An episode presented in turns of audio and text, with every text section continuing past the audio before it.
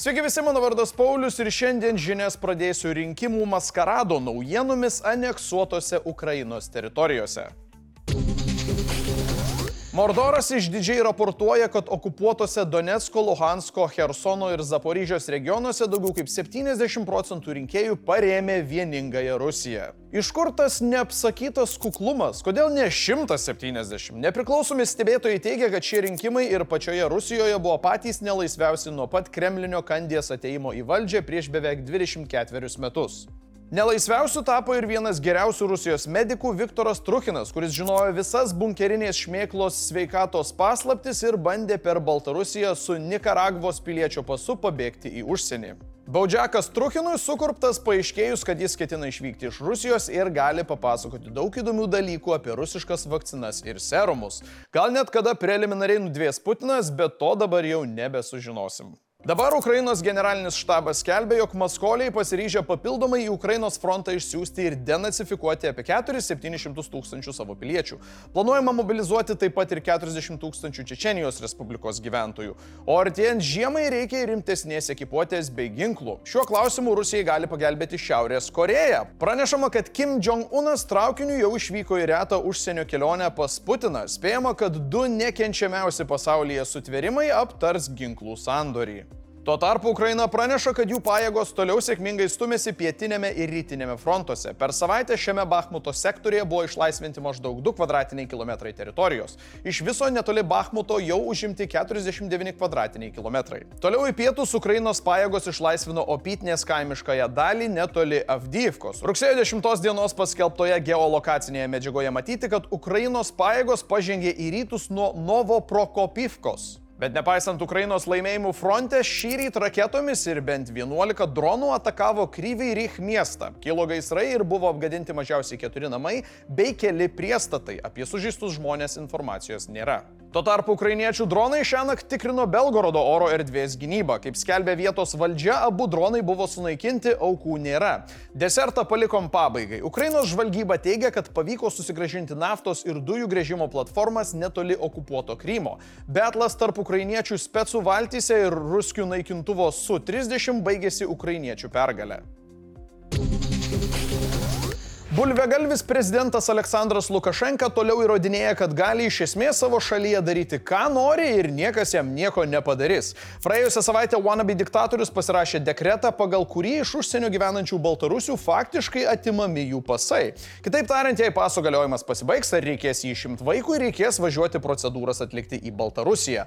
O kaipgi tai padaryti, jei pavyzdžiui esi politinis pabėgėlis arba dalyvavai mitingė? Šis sprendimas paveiks beveik 60 tūkstančių baltarusių, kurie pabėgę nuo diktatūros užuovėje rado Lietuvoje.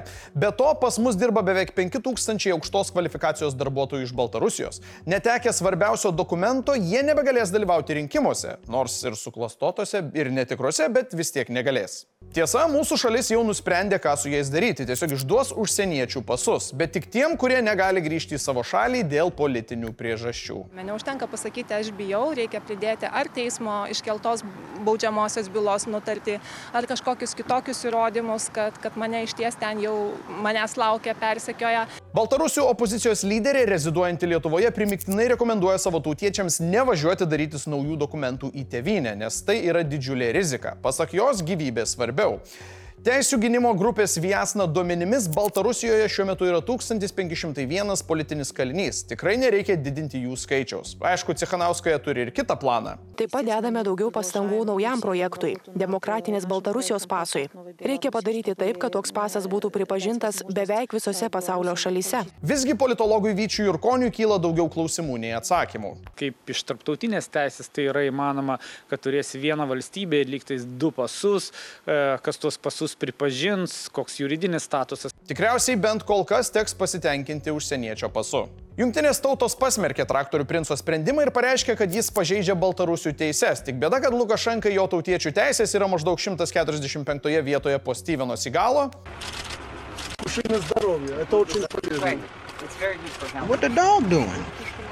Ir po delfinų.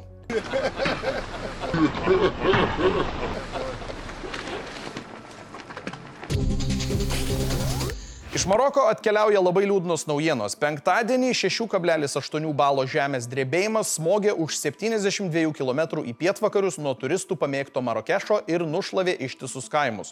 Daugiau nei 2000 žmonių žuvo ir dar tiek pat buvo sužeista. Negana to, kol žmonės gėdėjo ir bandė išgelbėti išgyvenusius, sekmadienį Maroką supurtė pakartotinis 3,9 balo stiprumo požeminis smūgis. Žemės drebėjimas užfiksuotas 26 km gilyje, kitaip tariant, negiliai, todėl jo naikinamoji gale buvo didesnė už giliau esančius tokio pat stiprumo drebėjimus. Gelbėtojai dirba intensyviai, ieško gyvųjų net rankomis, tačiau yra informacijos, kad kritinės būklės sužeistųjų skaičius tuoj aplenks ar jau aplenkė žuvusiųjų skaičių.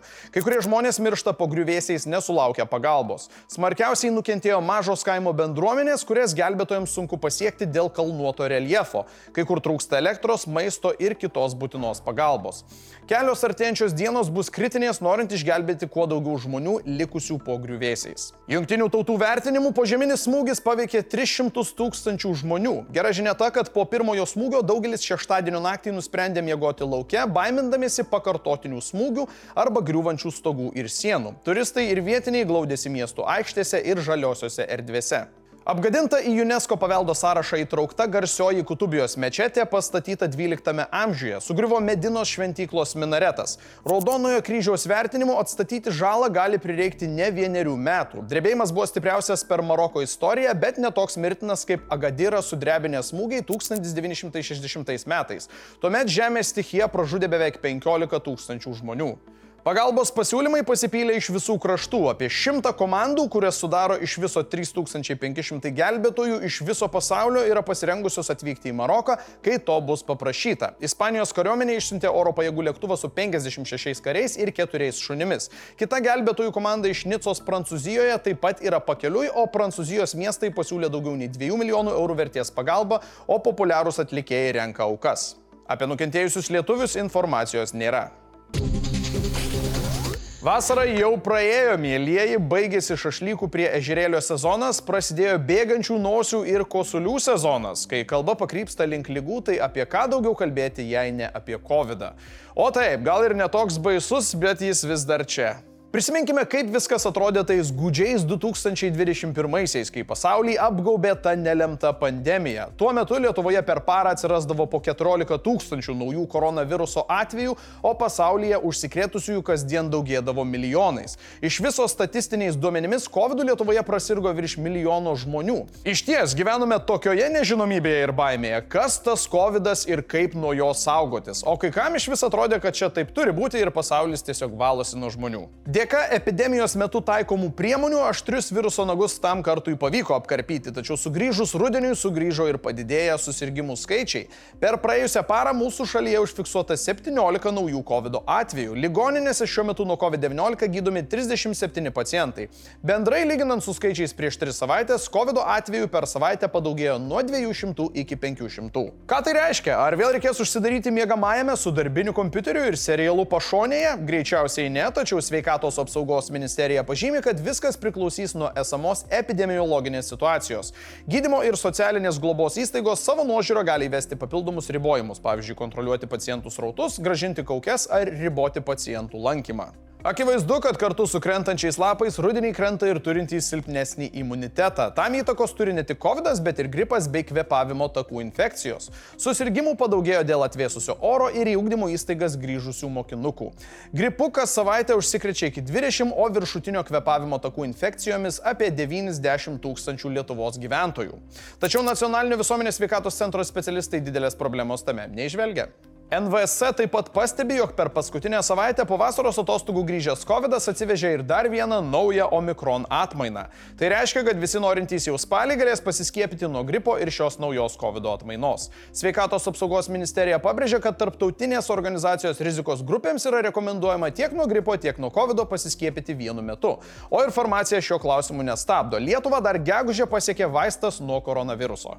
86 procentais yra sumažinama na, hospitalizacijų. Mėly žiūrovai, skiepas autizmo sukelti tikrai neturėtų. Vien Lietuvoje bent viena doze nuo koronaviruso pasiskiepijo ko ne 68 procentai. Taigi jeigu kolega darbė jūsų vengia, tai dar nereiškia, kad jam įskiepijo kažką blogo.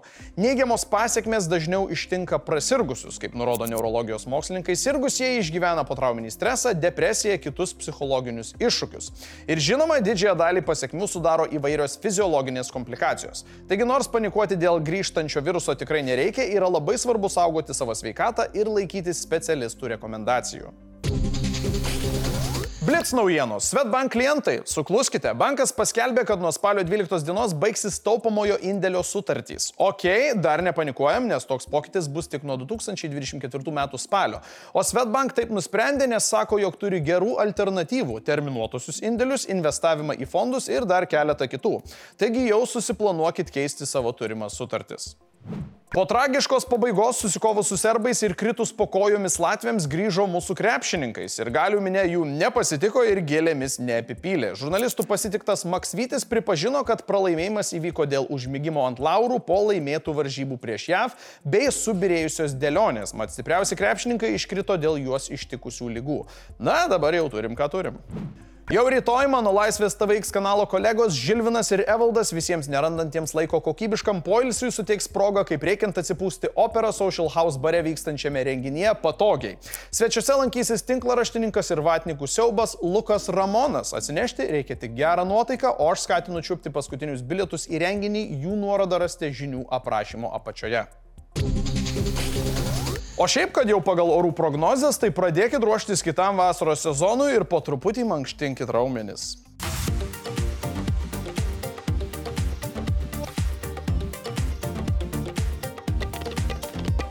Komentarų metas. Bevardis arba bevardė 38 kalbėdamas arba kalbėdama apie ferverkų draudimus siūlo uždrausti džiaugsmą, mielas mūsų komentatoriau. Jei jūsų džiaugsmas yra itin garsus, smirda, teršia orą ir gazina paukščius bei šunis, tai tikrai reikia uždrausti. Drugelis Tipodas sako, kad eglė už mane gražesnė dėl savo ūsų. Tai kad eglė neturi ūsų. Parašykite komentaruose savo spėjimus dėl eglės. Ir susimatome jau kitose žiniuose. aitäh!